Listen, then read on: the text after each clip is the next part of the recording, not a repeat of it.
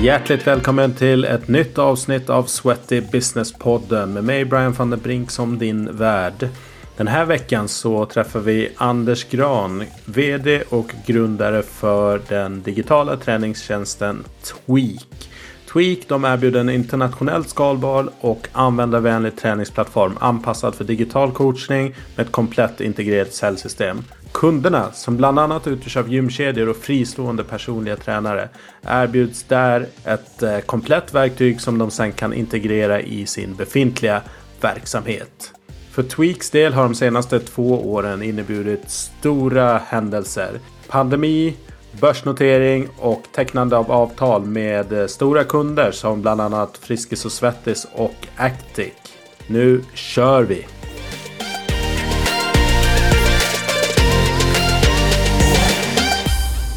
Då säger jag återigen för tredje gången hej och välkommen till Anders Gran, VD och grundare på Tweak. Tack så mycket. Hur är läget i Skåne? Ja men bra. Den skånska vintern har ju kommit. Så vi hade tre grader regn eh, i morse. Så att eh, mm. ja, det börjar ta sig. Riktig adventskänsla. Underbart. Ja, men härligt med lite vinter faktiskt. Här är det lite mer eh, mellanmjölk. Än så länge i alla fall. Du, eh, som sagt var, jag nämnde det här i inledningen. Det är tredje gången som du är med. Och så kan vissa undra, jaha, men varför Anders och Tweak med igen. Dels så, så jag, ska för, jag ska försöka förklara det. Så att eh, dels så, så tycker jag att du är en intressant person som har mycket tentakler och är nyfiken av dig. Framförallt på LinkedIn brukar du dela mycket insights och sådär. Så, så att eh, det känns som att du är en intressant person på det sättet att eh, prata med kring eh, träningsbranschen och digitalisering utav den kanske framförallt. Men också att det har hänt jättemycket på Tweak. Eh, under, jag vet inte om det är lite mer än ett och ett halvt år sedan vi sist eh, poddade. Eh, och då det känns som en ocean utav eh, tid däremellan. Så att dels tweak men också en pandemi som såklart också accelererat mycket av det som ni har gjort. Så att eh, det finns en massa nytt och gott att hämta här i, i det här samtalet tänker jag. Eh, men vi, vi kör ett litet intro. Du har svarat på några av frågorna som jag nu har valt att klippa bort. Så att vi, vi kör den lite mer koncentrerad form, de här introfrågorna. Men eh, om du skulle få obegränsat med pengar till ett projekt eller ändamål, vad skulle du göra? Det är ju supersvårt så här om man, ja, men om man verkligen hade obegränsat. Jag menar, å ena sidan tänker jag att det vi håller på med i Tweak på något sätt. Att eh, få fler folk i rörelse och, och, göra bra träning tillgänglig för många. Men det, det förtjänar varenda liksom, tid och krona man kan lägga in i det. Å ena sidan. Sen har jag så här personliga, men skulle man någonstans här gå på något helt nytt och stoppa in och skänka en enorm slant för något så hade det ju varit intressant att se över hur skolan funkar och, och liksom på något sätt, medan barnen är små på något sätt, att, eh, att reformera den på något sätt. På samma sätt som vi vill göra träning mer tillgänglig så kanske skapa en skola som också funkar på det sättet. Så det är två sådana saker. Mm. En app som du använder mycket? Tweak-appen självklart. Eh, men också Slack. Vi kommunicerar internt med Slack och vi kommunicerar med vissa av våra kunder med Slack. Och så Slack Slack, Slack, Slack. Och sen Nordnet-appen använder vi ganska ofta, även innan vi noterar oss. Så det är väl egentligen de tre. Sen är det lite sådana, mm. ja, men Instagram och lite sånt här. Ligger också där såklart. Ja. Facebook, jag är 40 plus. Eller hur? Men ändå mindre och mindre. Jag, jag, personligen själv, mer Messenger nu än själva Facebook-appen. Så att jag har flyttat med. Det, det här är något intressant. Eh, med, med, för det händer ju väldigt mycket nu att man går från eh, det stora eh, till det lilla de här små communitiesen blir viktigare än det här. Jag, jag vet inte om du får sådana påminnelser från Facebook från eh, liksom för tio år sedan. Så ser man sin inlägg så tar man sig för pannan och tänkte eh, varför skrev jag att jag skulle gå ut på stan? Och varför skrev jag att äta en korv? Vad är det här för eh, statusuppdatering? Hur kan detta vara av allmänintresse? Och det känns ju som att det är ett skifte som sker att ja, men man kommunicerar mindre och mindre i, i storgrupp och mer och mer i sina små communities. Um, och de här stora rörelserna, absolut, men mycket kanske händer i de här små grupperna. Jag har massa Messenger-grupper, jag har WhatsApp-grupper och vi ser på Tweak, träningsgrupperna, men man ser det här beteendet av, eh, av de här små grupperna. Och mm. det är nog på gott och ont tror jag. Absolut. Eh, men, eh, ja, men det finns en lärdom där tror jag också. Att mass, mm. Masskommunikationens död som man har varit inne på länge. Liksom, att du måste mm. vara väldigt specifik till rätt personer med rätt budskap. Det, så enkelt är det. Mm. Um, här gick det åt helsike. Ja, det, det, finns, ju, det finns ju massa listor. Jag har några favoriter, ska jag säga. En av mina absoluta favoriter var um, första gången vi skulle rulla ut ett kommersiellt test på Tweak. Då, det var innan liksom... Jag hade inte, vi hade liksom inte börjat jobba heltid med det kan man säga. Utan det var ett projekt som vi var några stycken som drev. Kan man säga. Vi hade en produkt, vi hade liksom en MVP. Och så hade vi en av våra första tränare på kroken. Han skulle liksom rulla ut sitt koncept lite grann med det. Och han fick jäkligt mycket traction liksom dag ett med det där. Och det som hände väl egentligen var att så som vi hade byggt det på den tiden så skulle man först svara på ett antal frågor. Man skulle göra en behovsanalys liksom direkt när man gick in i appen. Och alla som gick in i appen skulle göra det. Och vi låg etta på App Store någon stund där. Och det som hände var ju att vi, det gick totalt ner liksom. Det kraschade och gick ner. Och på den, vi hade ju inte... Våra utvecklare jobbade inte heltid i projektet. Så det tog tre dagar innan vi liksom var up and running igen. Och det, vi lärde oss ju sjukt mycket. För det ena vi lärde oss var ju lite grann det här att ha alltid utvecklare redo när eh, man lanserar. Ett, ha utvecklare på insidan. Två, eh, men den tredje grejen tror jag också var eh, hela konstruktionen av att alla skulle göra exakt samma sak vid samma tidpunkt. Den är ju alltid besvärlig. Det vi lärde oss dessutom var att konsumenten är inte heller så att jaha det funkar inte. jag, jag väntar lite, låter grabbarna starta om en server och kommer tillbaka. Utan det man gör är att man trycker igen. Och funkar inte det så trycker man igen. Funkar inte det så trycker man igen och igen och igen. Så det blir lite grann... Eh, det var brutalt när det begav sig. Men också var det första beviset på att jag tänkte ja men vi är något på spåren. Så det var liksom lite grann det som var signalen att vi får sluta med det andra vi håller på med och fokusera på detta. För detta kommer ju hända liksom. Ditt bästa tips för återhämtning? Alltså, först skrev jag naturen. För det är när jag tänker på återhämtning så tänker jag naturen. Liksom. Det första jag tänker på är naturen. Liksom. Men faktum är att bollsport är ju den absolut bästa. Så här, spelar man innebandy eller paddel eller fotboll med, med några stycken. Liksom. För att jaga en boll får en liksom att koppla bort allt annat. Och du har liksom ingen sån tid över till att stå och göra någonting annat. Eh, och titta på telefonen och kolla om man har missat någonting eller sånt där. Man försöker när man har jobbat med i den här branschen under många år, liksom, även långt före tweak-tiden, så är det ju på något sätt så är man ju inne i det där att man kan vara uppkopplad hela tiden. Att träna sig av med det, då behöver man ju alla tricks man kan. Lägga mobiler i lådan eller spela fotboll en stund eller spela padel. Liksom. Så, mm. Bollsport är mitt absoluta tips. Yes. Det här behöver träningsbranschen tänka omkring. Mm. Ska jag svara snabbt på det? Uh, ja, men den är ju fragmenterad eh, och det är inte kunden.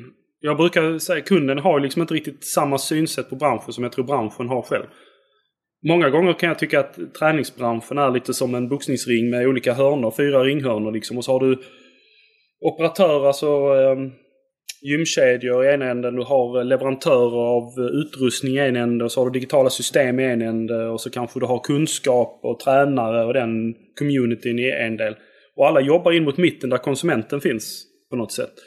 Och konsumenten fattar ju inte ofta varför den behöver ska gå runt till de här olika, för de olika delarna. Där tror jag det är en sån att börja paketera om sig själv och börja se en, en helhet. Och för mig är det självklart svaret att digitalt är liksom kittet som håller ihop det. Eh, och inte något man bara klistrar ovanpå. Så jag tror det är det man behöver tänka om. Att kanske se sig liksom som ett träningskoncept mer än kanske en, som en lokal. Eh, och så här, mm. och så här branschen i stort. Men det kommer krävas lite ja. konsolidering, det kommer krävas lite nytänk och det kommer också krävas att någon liksom vågar sig ut från hörnan och, och grabbar tag i den som står i andra hörnet. Ja, verkligen. Vi kommer grotta mer i det här längre in i avsnittet. Eh, men om någon tänker så här, bara tweak, ja jag har hört talas om det men inte riktigt koll. Hur skulle du presentera det? Ja men Tweak är en digital plattform och marknadsplats för digital träning. Det är, eh, tränare och gym kan skapa digitala bootcamps, eh, leverera PT online och sköta om sina klienter. Konsumenten å andra sidan kan hitta tränare, hålla koll på sin träning, få inspiration, bygga, ha träningskompisar eller gå med i utmaningar och så här.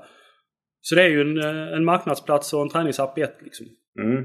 Ni har två ben kan man säga. Vi snackade om det lite innan vi drog igång inspelningen här. Kan du berätta lite vad ni, vad ni gör ja. egentligen som är kärnan? Ja men absolut. absolut. Vi har ju två ben på liksom kundsidan man ska säga. Vi, vi brukar samla dem under begreppet fitness creators. Folk som skapar träningskoncept i olika former. Och det är två, det är enskilda tränare och, och så här. Och sen är det gym, stora och små liksom, eller träningskoncept. Liksom.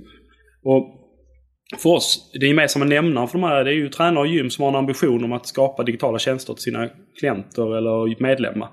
Och vår spännvidd där är ju allt från enskilda tränare som kör liksom en, en hemsida och säljer träning helt enkelt. Eh, till eh, ja, men Actic och nu Friskis Rix och stora multisite multicountry-kedjor. Eh, och det är väl lite det som är vår styrka. Att vi jobbar tvärs igenom hela spannet. För i må mångt och mycket så är det lite samma saker de gör fast det krävs lite olika pusselbitar för att man ska passa in i deras vardag. Den enskilda mm. tränaren har vissa behov medan gymkedjan där måste du lira ihop med deras övriga system för att det ska bli vettigt för kunden i slutändan. Igen, vi måste våga oss ur ringhörnan och säga att ja, men där finns ett bokningssystem, där finns en inpasseringsstruktur, där finns de här sakerna vi behöver förhålla oss till. Vi kan ju absolut låta bli att låtsas om dem. Men jag tror inte det är det man framtiden ligger liksom inte för dem som tror att man eh, agerar ensam i havet. Liksom. Mm. Nej, verkligen. Eh, och min nästa fråga var egentligen vad, vad ni såg för luckor på, mar på marknaden som, eh, som ni uppfyller. Men lite så här när ni drog igång så var det inte så digitalt och det finns säkert en hel del annat att göra. Men, men vad skulle du säga idag då, är era viktigaste liksom, funktioner som ni har på för mm. träningsmarknaden? Luckan har ju förändrats lite grann. Jag tycker du sätter fingret på det. För att i början fanns det liksom ingen riktig digitalisering inifrån branschen. Utan då var det ju, om man säger Tweak i sitt allra första embryo var ju väldigt likt ett Spotify för träning. Du loggar in och sen finns det liksom artister som är tränare då och sådana tjänster dyker upp fortfarande. Ehm, men luckan vi hela tiden har sagt är att konsumenten förväntar sig en viss standard på en träningsapp idag till exempel. En digital träningsupplevelse. Vi har haft pionjärer som liksom Freeletics har varit duktiga på att leverera en konsumentupplevelse länge och så här. Problemet har ju varit när du tar då de som är väldigt duktiga på att skapa träningsinnehåll, alltså fitness creators, inspiratörerna, de som är utbildade tränare som, eller, eller gymkedjor eller koncept. Så har de ofta levererat, när de levererat digitalt, så har det varit ganska ja, men spartanskt eller ganska enkelt. För deras fokus har ju hela tiden varit på att leverera kvalitet i kunskapen. Och den mm. dissonansen har vi ju hela tiden varit ute efter. Ja, men hur skapar du en attraktiv konsumentupplevelse som fortfarande har det djupet och kvaliteten som liksom en eh, som en riktig tränare kan ge. Och att, att brygga det hela tiden. Så det gapet såg vi tidigt och något som liksom har renodlats med tiden. Hur får vi det samma kvalitet av en fysisk tränare? Får honom att nå ut med det digitalt? Eh, samtidigt som appen gör de grejerna som man förväntar sig av en träningsapp. Mm.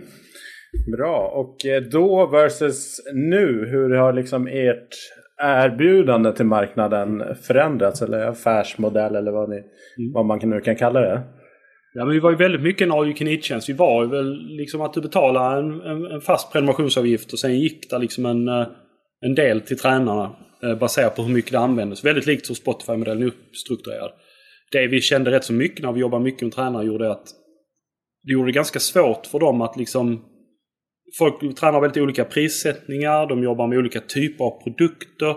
Vi låg kanske ett par, tre steg före mot vad de förväntar sig alltså content-sidan, vad de förväntar sig att producera. Så det största vi har gjort är att jobba mycket med att ge mycket mer makt åt tränarna.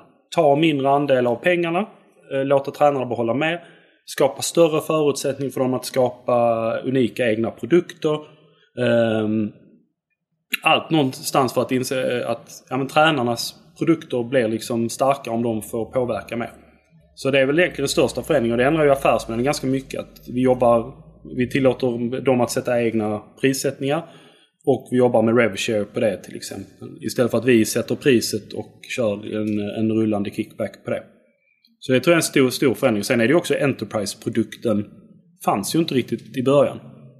Mycket låg liksom inbäddat i uh, Tweak som konsumenttjänst. Där fanns tränare, företag kunde använda Tweak till sina anställda. Och för oss var det nog väldigt mycket en eye-opener när någon, eh, en gymkedja hörde av sig för många år sedan och frågade om kan vi ta er företagsutmaning? Skulle vi kunna prova att sälja den till, eh, till våra företagskunder? Så insåg vi att ja, men vissa gymkedjor har ju tusentals registrerade företag som kunder. Mm. Um, och vårt största problem var ju att vi hade en fantastiskt bra liksom, utmaning för anställda inbyggd i liksom, plattformen. Men sättet vi nådde ut med att vi skulle ringa ett företag och sälja in den vilket var, blev väldigt bakvänt. I samma sekund som vi liksom satte den i händerna på gymkedjor och tränare att springa runt och faktiskt sälja till sina. För de hade ju omvänt problem. De har massa kunder men kanske en lite för traditionell produkt att sälja. Mm. Så att den förändringen har hänt mycket med oss. Att vi använder de sista fyra åren har vi gått mot att jobba mycket med branschen, inte parallellt med branschen. Utan titta, okej, okay, hur ser behovet ut på golvet, ute i vardagen för de här tränarna i gymmen?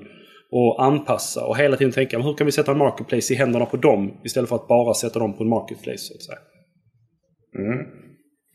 Spännande. Vad skulle du säga då är det viktigaste Key Success factors som det heter så, så fint?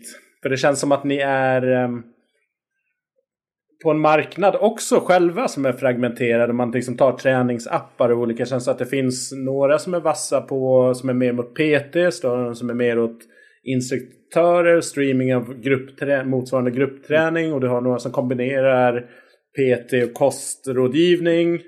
Eh, men det känns inte, jag har inte sett någon i alla fall lokalt som gör det ni gör. Nej, det, och det jag tror du sätter lite fingret på, alltså största framgångsfaktorn för oss har nog varit grit. Alltså jag vet inte hur många gånger jag träffar folk som säger men bra, ni kämpar i liksom. Och det, är lite så för att när folk säger att man jobbar, driver techbolag så tänker ju folk att det ska, ja men Spotify är ju jättestora. Ja men de har hållit på sedan 2003 liksom. Och tiden det tar och frustrationen i att bygga något som är i en sån snabbrörlig grej. Ja men det kräver nu speciell liksom sinneslag tror jag. Um, så både jag och Johan har nu det lite i oss, där grittet. Att ja men vi är inte färdiga.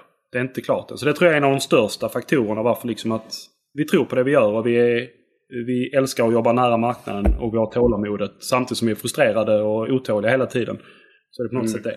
När det gäller produkten så är det precis det du säger. att alltså, jag, jag vågar nu säga att vår plattform är den absolut mest kompetenta rent tekniskt. Sen är det som du säger att det är många som är superduktiga på specifika case. Och det är också, framförallt under pandemin, har det varit rätt så bra för företag att kunna vara rätt så smala i sitt eh, erbjudande. För du skär ju snabbt igenom. Att förklara Tweak för, någon, eh, för två år sedan kanske innan digitaliseringen på allvar liksom hände i branschen. Det var, mm. det var liksom ett litet projekt att förklara för någon. För, och ena stunden kunde det vara ett ställe där du körde PT. Andra stunden körde någon eh, gruppträning. Och tredje var någon som liksom körde utmaningar. Och, ja men är det en utmaningsapp? Är det en PT-app? Är det... Och för vårt fall har vi sagt att ja, men vi vill ta den coachingen och det som händer på, på gymmen och bland tränarna och göra den digital och sätta den i händerna på dem. Och det innebär ju att alla de här delarna måste finnas. Um, om du tittar hur ett gym är konstruerat idag så är det ja, men du kan gå och träna frivikt och du kan ha en PT och du kan köra gruppträning. Och sen ibland finns det kurser och så här. Så i mångt och mycket så tittar vi ju på ja, men vilka behov finns hos våra kunder och vilket behov finns hos våra kunders kunder. Och så jobbar vi ut, jobbar vi ut med det. Och det gör ju att man blir bred. Uh, men det är nog vår absolut mest st största styrka. Alltså om en stor gymkedja ska titta på oss till exempel. Eller en tränare eller tränings... Ta 60 Weeks of Hell som inte, absolut inte är en gymkedja men som är ett träningskoncept som tar sin produkt på extremt stort allvar. Ska mm. de göra det då behöver de ju ha bra kontroll på vad, hur, hur, produkten levereras. Produkten behöver också levereras på ett sätt som gör att de kan ta hand om sina klienter. Um, och hantera dem i en sluten grupp. Man vill att det ska vara on-brand. Det kommer massa krav med detta som gör att många av de tjänsterna som kanske kommer ganska snabbt och får, får vind i seglen. Det tar rätt så lång tid att bygga ikapp vår stack. Liksom. Så jag skulle säga att vår absolut styrka är bredden eh, ja. i plattformen. Absolut. Det, du har ju själv varit inne på det. Liksom grit och säkert en massa bakslag och sen eh, två steg framåt, ett steg bak och omvänt ibland. Men eh, kan du se tillbaks på någon eller några grejer som har liksom varit så extra stora utmaningar längs med vägen? Ja, men jag, jag tror... Alltså om man... Jag, jag, vi, man har inte lärt om man skulle gjort om detta från början.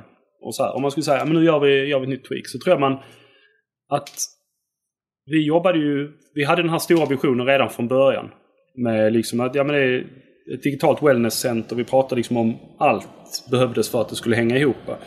Och där tror jag så här att den bredden var ju en absolut en, eh, eh, en stor utmaning för oss att hantera.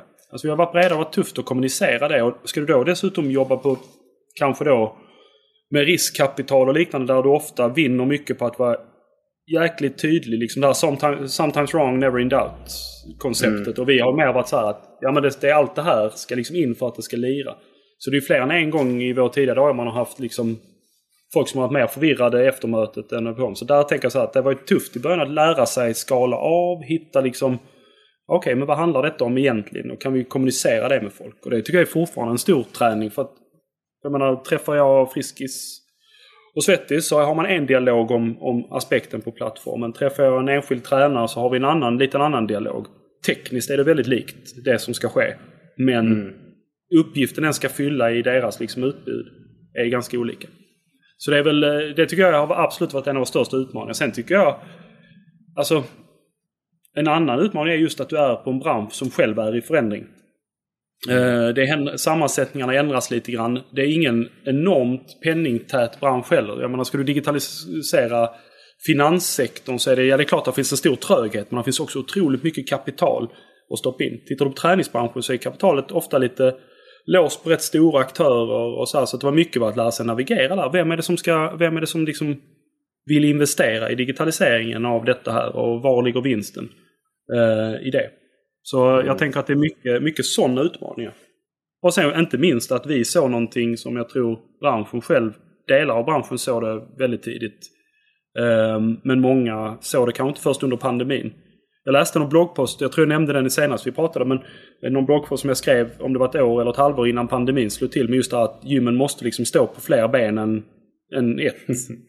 man ja. måste ha e-handeln redo. Jag hade inte en aning om att det skulle komma en pandemi, men för mig var det konsumenten kommer vilja gå ditåt. Och det ser man ganska tydligt att de som ställde om snabbt fick också väldigt högt gensvar på, um, från sina medlemmar. Sen är det dock inte så att, ja, men då, att det är kört på något sätt. Detta är en lång process som kommer att ta tid. Och jag tror inte heller, jag tror aldrig det kommer att vara ett antingen eller. Um, jag tror det bara kommer att vara att vi kommer, som konsumenter kommer vi ha samma förväntan på träningen som vi har på, på andra butiker. Vi förväntar oss att vi ska kunna handla när det vi vill, när vi vill och var vi vill. Och det kommer att glida in i träningen också. Mm, nej, helt säkert så. Det är ju det är ju inte bara träningsbranschen som, som har lidit av det här syndromet. Liksom att man Lite förnekelse och lite sådär. Man bara, det rullar på som det alltid har gjort. Och så, det är ju exceptionellt med en pandemi. Liksom, men det ställde mm. ju allting på sin spets. Och det som förmodligen hade hänt på ett par års sikt behövde liksom rullas igång liksom mm. under panikartade former. Så att, mm. eh, och jag, jag tycker ja. det är roligt att se alltså, nu att ja, men nu flödar folk tillbaka till gymmen. Eh, vad, vad, man förstår på rapporter från september och sånt där. Vi ser ju fortfarande ökning av användningen av Tweak och, och, och våra, liksom, vår plattform. Och fast att folk kommer tillbaka. Det finns liksom ingen konflikt i detta här. Och, och jag tänker att det är nog det viktigaste att folk måste förstå. Det är inte antingen eller. Digitalt det är liksom inte Ja men antingen så tränar man digitalt eller så tränar man på gymmet. För oss är det så, men vi har aldrig haft högre trafik än vad vi har nu när gymmen är, fast att gymmen är igång. För, för mm. oss hänger det ihop. Mår gymmen bra så, och tränarna, är de bra? Precis i början på pandemin så var det ju väldigt mycket att alla drog i nödbromsen. I början visste de ju inte om något, alltså alla fick ju börja kolla sitt kassaflöde. Både tränare och gym fick ju börja se om sitt hus och blev nästan lamslagna. Eh, sen tog det någon månad och så började folk blicka framåt. Så insåg de att ja, det finns lite vi borde göra. Och sen börjar man titta på digitalisering. Och då blir tjänster som oss såklart vinnare på, om man säger, på pandemin kortsiktigt. Men jag tror vägen hade varit likadan men som du säger, det hade kanske tagit ett par år istället. Snabbspolade fram det lite grann. Jo, men jag tänker ju verkligen att det, är, eh, det här kompletterar varandra. Dels så tror jag att marknaden, träningsmarknaden kan bli så mycket större. Dels att vi kan få in människor som kanske rent fysiskt bor på platser där de inte faktiskt kan åka in till ett gym. Det finns inget gym tillräckligt nära. Men också eh, allt ifrån trösklar till att man, man är inte nöjd med hur man ser ut. Man är inte bekväm för att man kan inte träning. Så att okej, okay, jag börjar kanske digitalt. Men också så här.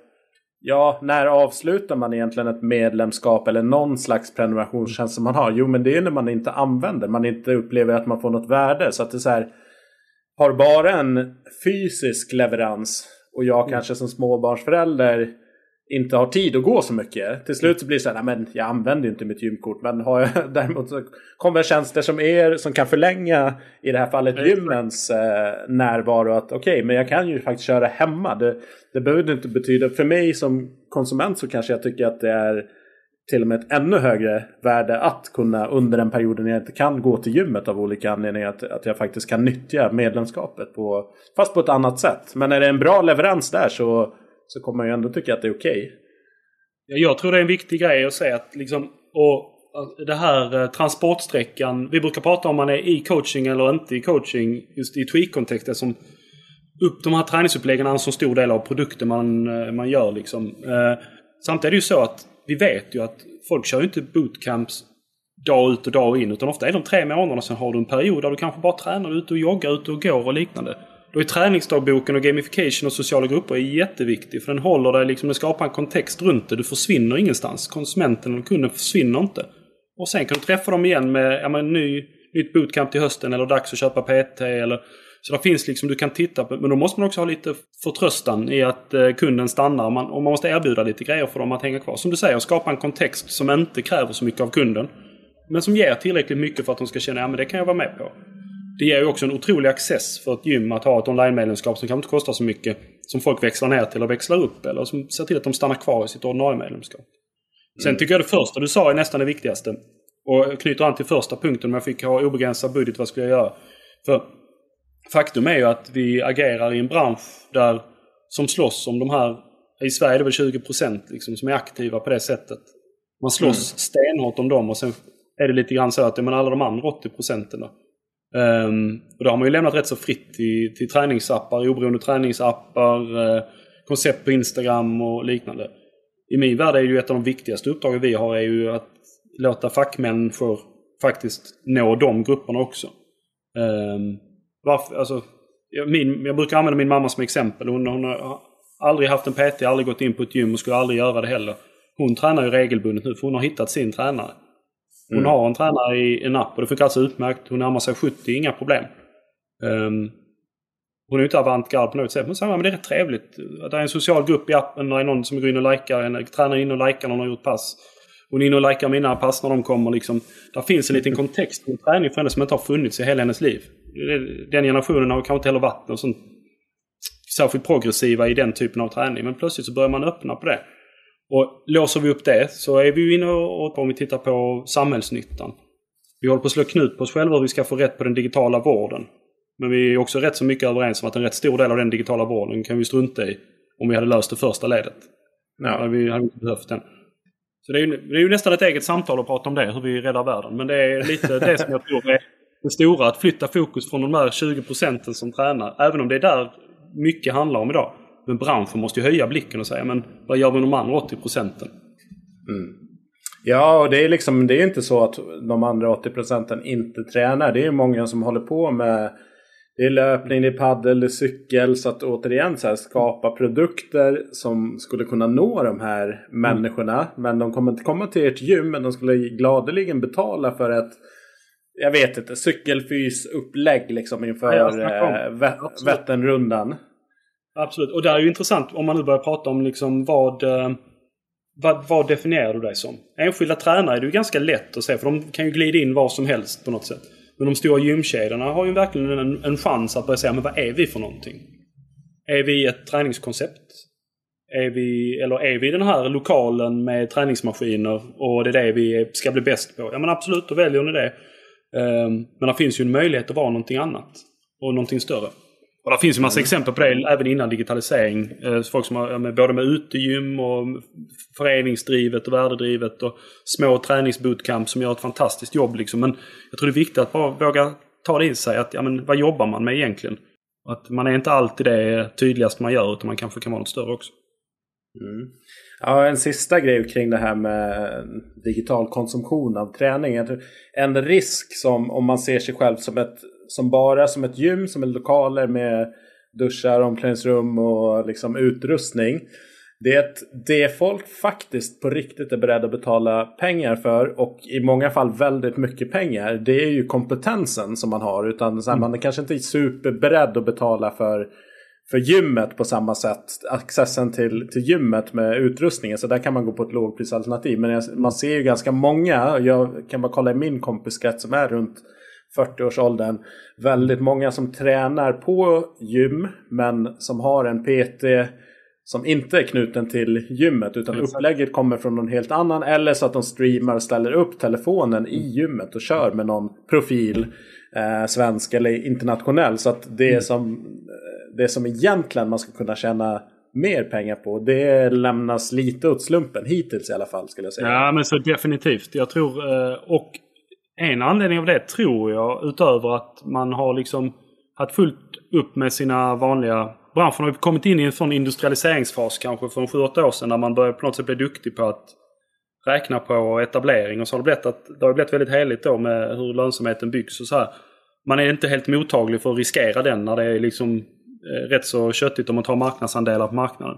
Men samtidigt är det precis som du säger att man lämnar ju då alla högmarginaler produkter lite grann lämnar man till andra att ta av. Uh, och det är, ju, det är ju lite udda kan man väl säga. Eller det är lite onödigt egentligen. Och det är också något som jag tror gör det onödigt svårt för konsumenten. Um, mm. faktiskt.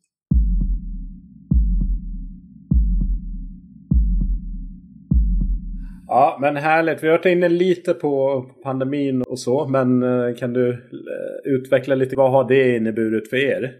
Ja, men alltså, det är ju lätt att man tänker om man ser till vår konsumenttjänst att ja, men, eh, pandemin den måste ju ha satt otrolig fart. Men det första som hände var just att tränare och gym slutade nästan svara i telefon under ett par veckor. Um, för att de, gymmen framförallt visste ju inte vad som skulle hända riktigt. Så många av dem fick ju naturligtvis liksom börja titta på över natt var det ju som att du inte kunde gå på gym längre. Och det, ska, ska det vara så här för evigt? Kommer det inte komma någon? Sen tog det ju några veckor, några månader innan man insåg att ja, men, det blev ett tapp. Men det var inte 100 procent. Det finns en ljusning. Vi börjar få kontroll på detta här. Då, då märkte vi en bit in i 2020 så började folk höja blicken. Eh, och vi kunde se det var väl i, i mars 2020 som det liksom small till och det tog tvärstopp överallt. Och jag skulle säga juni, juli så började liksom så här tränare tränare börjar inse att ja, men, eh, detta kommer att hålla i sig ett tag. Men jag, jag går inte under så jag har lite bandbredd i huvudet att tänka. Samma med gym. Vi fick upp rätt mycket diskussioner med större gym och medelstora liksom, som inser att ja, men vi behöver kunna hantera sånt här över tid. Men man agerar inte i panik i alla fall. För vissa agerar ju väldigt, väldigt mycket i panik och då är inte vi ofta inte lösningen. För ska du snabbt erbjuda något till dina medlemmar då gör man ju som de flesta gjorde. Att upp med någonting på Facebook eller på YouTube. Det är först i nästa steg att titta på. Vi måste kommersialisera det. Vi måste se till att bara medlemmarna har access till det eller mina klienter skydda den här produkten lite grann och skapa, göra den till min egen. Då kommer vi in i bilden. Så det var väl en, en sex månaders fördröjning innan vi såg uppsidan med den. Så jag skulle egentligen säga att mycket kom ju 2021 för oss av eh, pandemin. Mm. Att vi kunde säga att eh, kunder som liksom lanserade efter att ha ställt om sin verksamhet under 2020 och kanske börjar bli varma i kläderna nu. Liksom. Så där kom. Så för oss var det nog mycket det. Men det, det som var positivt kort på ett sätt var ju att det här lyftes upp, digitalisering lyftes verkligen upp på agendan för, eh, för gym och tränare. Man utgår från att detta faktiskt är på riktigt och det för oss som har tjatat om det i många år känns det ju ganska skönt att höra det. Sen hade jag tyckt eh, ingen tjänade på att det var på detta sättet kan man säga. För att för oss skapar det, du vill aldrig jobba med någon som liksom gör det av nöd och ondo utan man vill ju, det är ju roligare när det är framåtlutat. Så tyckte jag mm. 2021 har varit ett mycket roligare år på det sättet att många kommer ganska lustfyllt in. Man ser att man börjar få kontroll på läget. Gymkedjor och tränare börjar bli innovativa, börjar hitta koncept. Så att på det sättet har året varit mycket bättre. Och, um, och, och mer lustfyllt på det sättet. Um, så sen den andra baksidan kanske är att det kommer ju väldigt många koncept i, mot konsumentledet i en, under en pandemi. Att man kan säga att det, för det går rätt snabbt att sätta upp eh, liksom en, en sida med träning och så här. Uh, och det, det skapar ju bara brus. Vi får sitta och svara mm. på frågor ibland. Ja, men hur skiljer den här från den eller den? Och ibland hinner man ju knappt få reda på vilka de är. Liksom. Och, vad är det för en? Och så hittar man från det var en rätt så bra tjänst det där ju. Nice ju.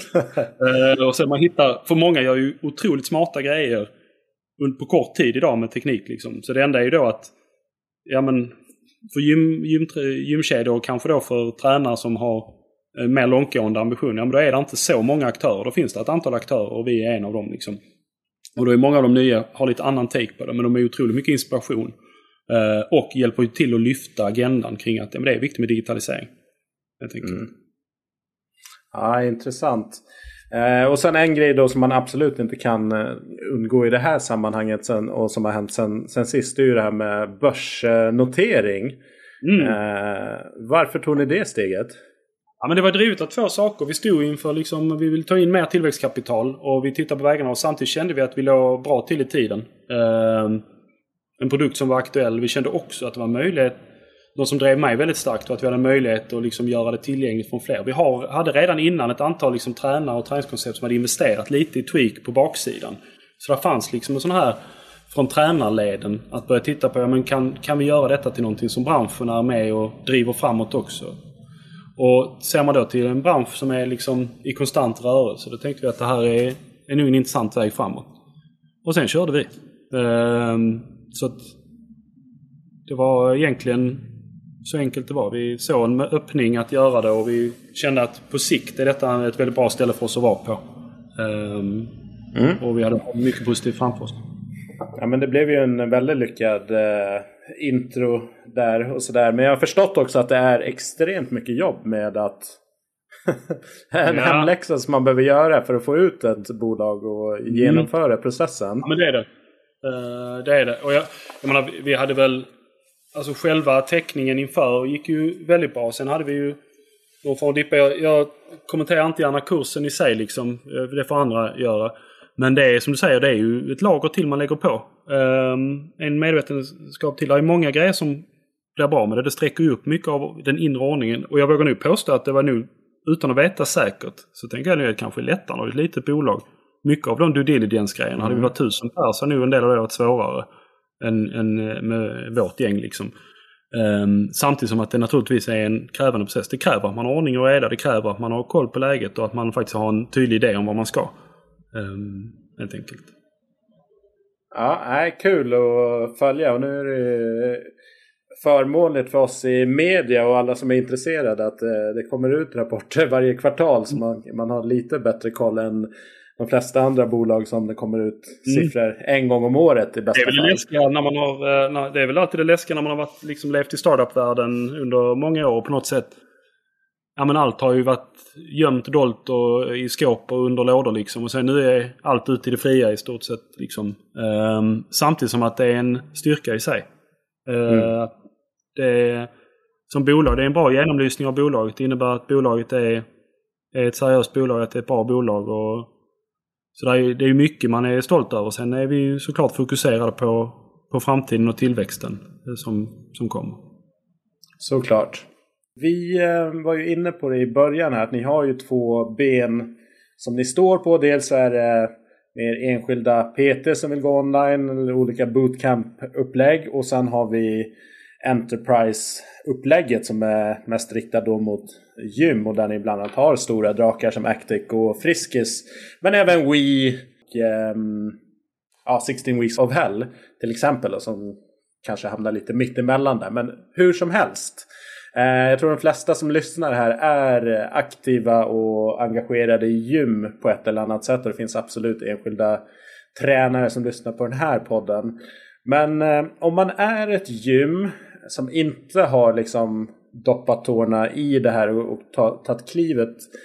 Vad tycker du är viktigt att man tänker till kring innan man liksom går in och, och gör sina val kring vilka man ska jobba med? För det är lätt hänt att man man hoppar in i verktygen. Jag kan till och med få frågor från folk som är Vad tycker du om de här? Eller vilket, vil, vilken aktör skulle du rekommendera att jag kör? Och jag, jag har ingen aning om vad ni vill göra liksom. Jag kan bara säga vilka som finns. Men, men vad tycker du? Alltså någon slags due diligence internt. Mm. Okay, re, vad behöver man reda ut innan man börjar hoppa in i verktygen? Ja, alltså om man säger om man, innan man hoppar in i verktygen så ska man ju bara fundera på vad är det man vill göra. Alltså, första steget är ju kanske att fundera vilken roll det ska liksom spela. Om man säger till ett digitalt träningsutbud, om man fokuserar det runt det till exempel. För ibland är det ju så att om du ja, men vill ha en digital community eller liknande. Ja men det, sätt upp en sluten Facebookgrupp eller hitta något sätt att liksom skapa. Det enda du vill ju inte ha en administration som gör att du, har, att du inte har kontroll på om folk är medlemmar eller inte. Så, men jag, jag brukar tänka att först och främst måste man sätta sig ner och fundera. Vad, vad är det jag vill göra om jag ska ha ett digitalt träningsutbud? Ska detta vara någonting att eh, konsumenterna betalar extra för? Vad ska ingå? Vad ska inte ingå? Hur kan man liksom skapa den? Så man inte börjar med att ge bort allt från början och så vidare. Så på den nivån handlar det mycket om att väga liksom eh, content på guldvåg. Liksom. Vad, eh, vad ska vi bjuppa på? Vad ska vi kunna ta extra betalt för? Men då före det finns det en fråga. Ja men varför ska jag digitalisera? Ska, vill jag jobba med retention? Så att vi ska behålla folk. Vill jag utöka min affär? Vill jag skapa nya affärsområden? Ska jag gå på företagstjänster liksom? Och då ställer det ju vissa krav. Liksom vilka, vilka verktyg kan man använda för att nå företagen? Ehm, så mycket handlar ju på något sätt att titta. Kanske det enklaste tipset är att kolla på några av dem som man tycker gör det bra. Det är ju många, utöver våra fantastiska kunder, så finns det ju många där ute som faktiskt gör olika saker och testar olika paketeringar och sådär.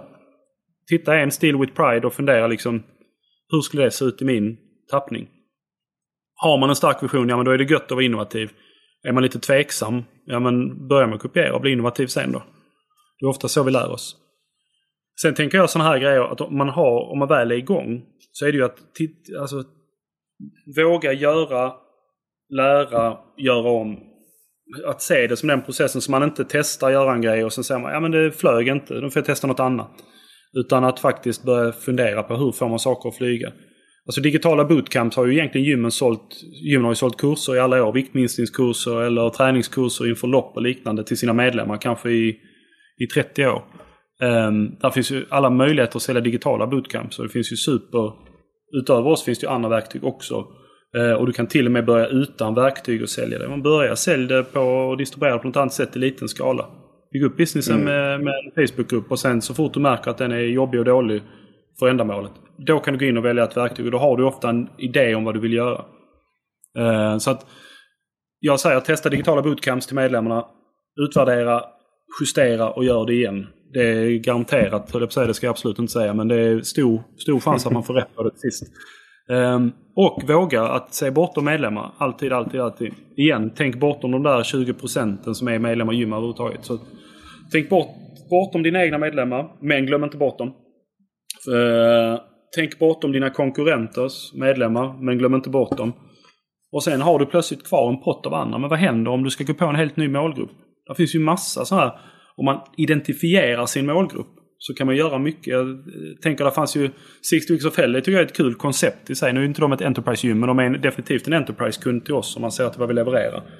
De är ju jätteintressanta i det här och de har liksom det är ju sällan du går till 16 Weeks of Hell för att liksom aldrig ha varit i form och plötsligt komma i form. Nej men deras målgrupp är ju rätt så krispig. Att det är nog folk som är, har tränat mycket en gång i tiden eller har varit i form, har tappat det eller vill komma tillbaka till det. Men de, det är ju ofta människor som är medvetna om vad det innebär att träna hårt. Och mm. att följa en plan. Uh, och hittar man sin målgrupp, liksom vem man vill komma åt, så är digitalisering mycket, mycket lättare. För det är plötsligt ett jätteverktyg för att, att uh, targeta, om man säger. Ja, vad skulle du, nu när du jobbat eh, med Enterprise-kunder under, under ett tag, ni precis signat eh, Friskis bland annat. Men vad skulle du säga är era största findings sådär av att jobba gentemot de här stordrakarna? Ja, men jag tror vår största finding är väl att de eh, ofta... Skiftet i branschen har ju varit mycket från att vi har fått vara väldigt så här ensamma om att hålla en digital agenda till att de ofta har mycket mer inspiration än tidigare. De, men de säger att eh, men med gymkedjor, större gymkedjor har ofta idag personal som kanske kommer utifrån. Man har marknadsmänniskor inne så här, och de har ju mer en liknande världsbild som vi kanske har. Vilket gör att man kan samutveckla på ett annat sätt. Eller man kan ha en annan idé runt liksom hur tjänsten och plattformen ska funka. Så jag tycker det är en sån intressant finding att det rör sig åt ett väldigt rätt håll. Eh, och sen är det också att jag, jag, tror en annan finding är att vikten av, alltså att, vad ska man säga, att ja, man behöver vissa grejer unikt, men det är väldigt sällan det är tekniken i sig som behöver vara superunik. Utan det, det, unikitet skapas ofta i content, i eh, sättet man paketerar. Det krävs ganska små förändringar liksom på teknikplattformen för att det ska uppfattas som någonting helt annat. Uh, jag menar, tittar du på Actic-appen idag så den liknar inte Tweak-appen. Det är ändå ganska små förändringar här och var för att anpassa det för hur den ska passa in i deras system. Och så blir det någonting mm. annat. Den stora förändringen är ju deras content. Eh, hur de får, form, eh, budskapen de delar ut den och produkterna som finns i den eller tjänsterna som finns i den. Så där tycker jag också är en sån väldigt eh, bra lärdom är att ja, men med relativt enkla grepp eh, så kan man åstadkomma väldigt mycket. Ja, Spännande. Du, content är ju en uh, intressant uh, grej. Vad, vad är dina tankar kring uh, content-strategi? Alltså, med contentproduktion är ju, det är ju lurigt för många gånger med stora gym är det väl mindre problem. Men när enskilda tränare kommer så är det väldigt många som vill börja. De ska satsa digitalt. Även gym liksom. de ska satsa digitalt, producera mycket content och sen ska de så fundera, okej okay, vad gör vi med den? Och um, då kan det ju bli lite antiklimax om man har lagt ner mycket. Men, men samtidigt är det ju så här att om du tittar på Actic eller Friskis, de här stora, ja men du behöver skapa ordentligt. Du behöver skapa en basplatta av content. Sen, jag menar i vårt fall, om vi ser till vår plattform, ja men då är det rätt så lätt. Du modulariserar ju content. Så du kan ju skapa nytt innehåll baserat på content du har skapat tidigare. Och mixa och matcha liksom tills du får fram nytt. Jag tror man ska mm. bara, det viktigaste är att man sätter en plan och framförallt att man inte sätter en plan för djärv och aggressiv. Om du är ett, ett litet gym så kanske inte det första du ska göra är att filma 5000 övningar och liksom kanske lägga en månad på och efterproduktion och få ihop allting och sen planera vad du ska. Utan gör en produkt och filma det och, och um, sätt ihop liksom vad du uh, behöver till det. Och kanske är det så också att man ska um, samarbeta med någon annan och göra, göra videos ihop med någon som har gjort det till exempel också tidigare. Det finns mycket hjälp att få kring det också. Ehm, det jag tror är viktigt, det är viktigt att man har ett uppdaterat content. Så mycket kan jag säga, men det finns många sätt att göra det. Antingen filmar man nya pass eh, och producerar nya pass hela tiden. Eller så har man då övningarna filmade och kombinerar olika pass och liksom till nya produkter. Om man säger. Och då får du också ett uppdaterat content. Så det finns lite olika sätt men jag tror det är viktigt att man tänker att det är uppdaterat. Um, mm. Nej men det tror jag verkligen också. Jag har kört, eh, testat en massa olika tjänster faktiskt nu under pandemin och sen kör jag en hel del på YouTube. Framförallt mm. yoga-konton. Men också kolla liksom nyfiket, hur gör folk? Vad, vad har de för content? Hur ser det ut? och sådär. Och jag upplevde just den här delen som att upplevde det som att, att det inte är händer någonting nytt så tappar man snabbt intresset. Så att, mm. Men det krävs inte supermycket för att det ska upplevas som något nytt. Men, men just det att stagnera det för länge så, så tappar man intresset hos målgruppen tror jag. Och jag tror det är också en avvägning för alltså, om man skulle säga att om du har en eh, skål här där det är supertajt produktion i ena delen av vågskålen och sen i andra vågskålen har du frekvent uppdatering. Um, då tror jag det är så, att frekvent uppdatering vinner. Sen mm. finns det en massa undantag. Om du tittar på Apple Fitness Plus och de här som är, det är alltid supertajta produktioner på något sätt. Ja men det är en lite annan typ av produkt. Gymmet och tränaren har en möjlighet att vara lite mer personlig. Och då kan det vara lite rough. Det får inte vara så att det stör. Men, eh, men det, kan, det är fortfarande så här.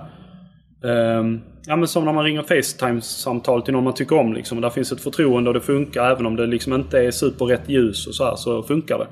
Och jag tror det mycket det. Jag tror man måste förstå att man är lite i inspirations och förtroendebranschen. Vilket gör att ja, det måste vara snyggt nog. Det måste vara tight nog. Man måste förstå vad man ska göra. Men det viktigaste är ju att man hela tiden behåller förtroendet.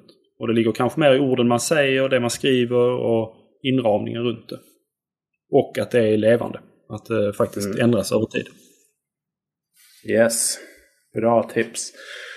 Um, kan man se nu är det olika självklart för olika typer av projekt. Men om man nu går i tankarna att uh, mm. höra av sig till er uh, eller till någon annan för den delen. Vad, vad ska man liksom tidsramsmässigt ha uh, någon slags uh, liksom nykter syn på hur lång mm. eller kort tid kan, brukar det ta?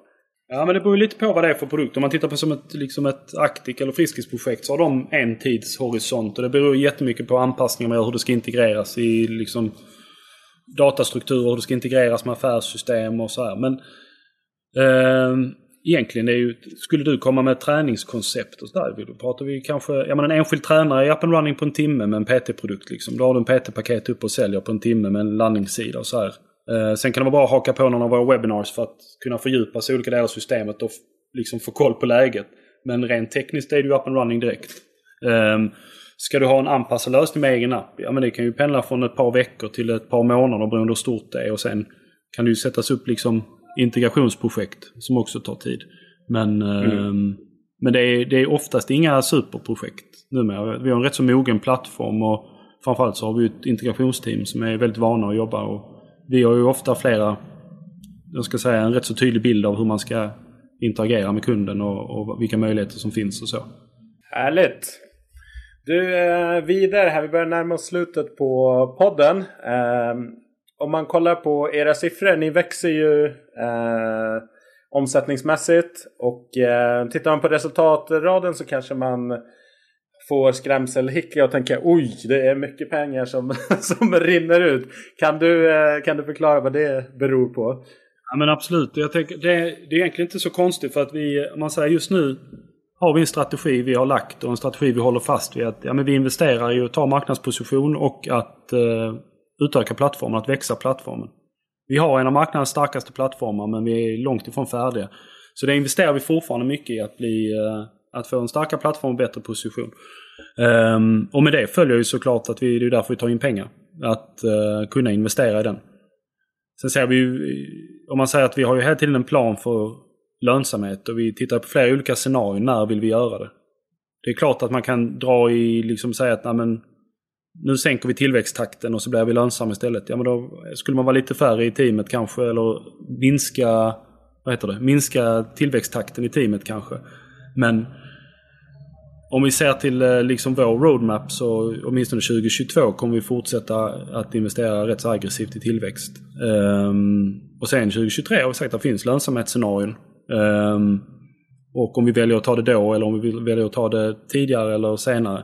Det är någonting man hela tiden jobbar med med styrelse och ägare kring vad är, vad är rätt väg att gå utifrån hur marknaden ser ut.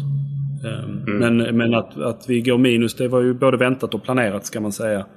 Uh, och kommer vara så ett tag till. Det är vår plan. Min gissning utifrån också att det är någon slags en guldålder just nu också. Att kunna ta ett grepp om marknaden och ta marknadsandelar. Eh, och att då vara snabb på det och inte riktigt läge att, att eh, ha handbromsen i just nu i alla fall.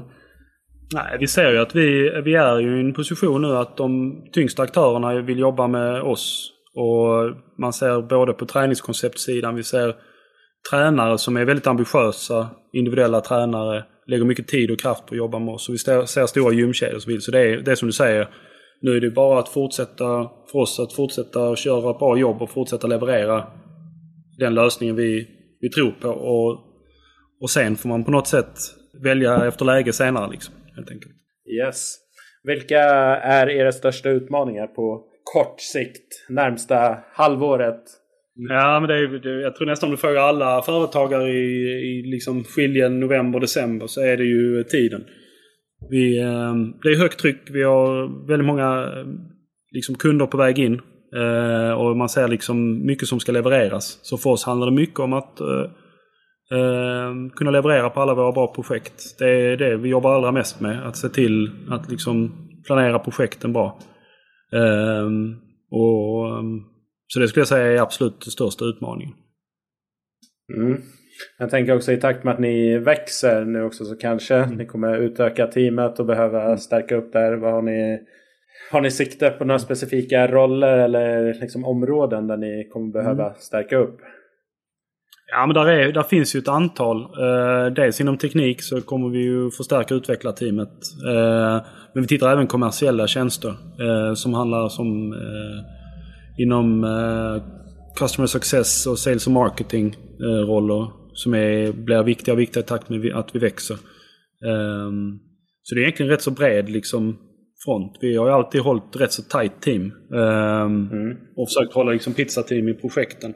Men det är uh, också så att det är tydligt att skopet växer för oss. Så att det kommer nog vara rätt så bred rekrytering nästa år också. I, tvärs över.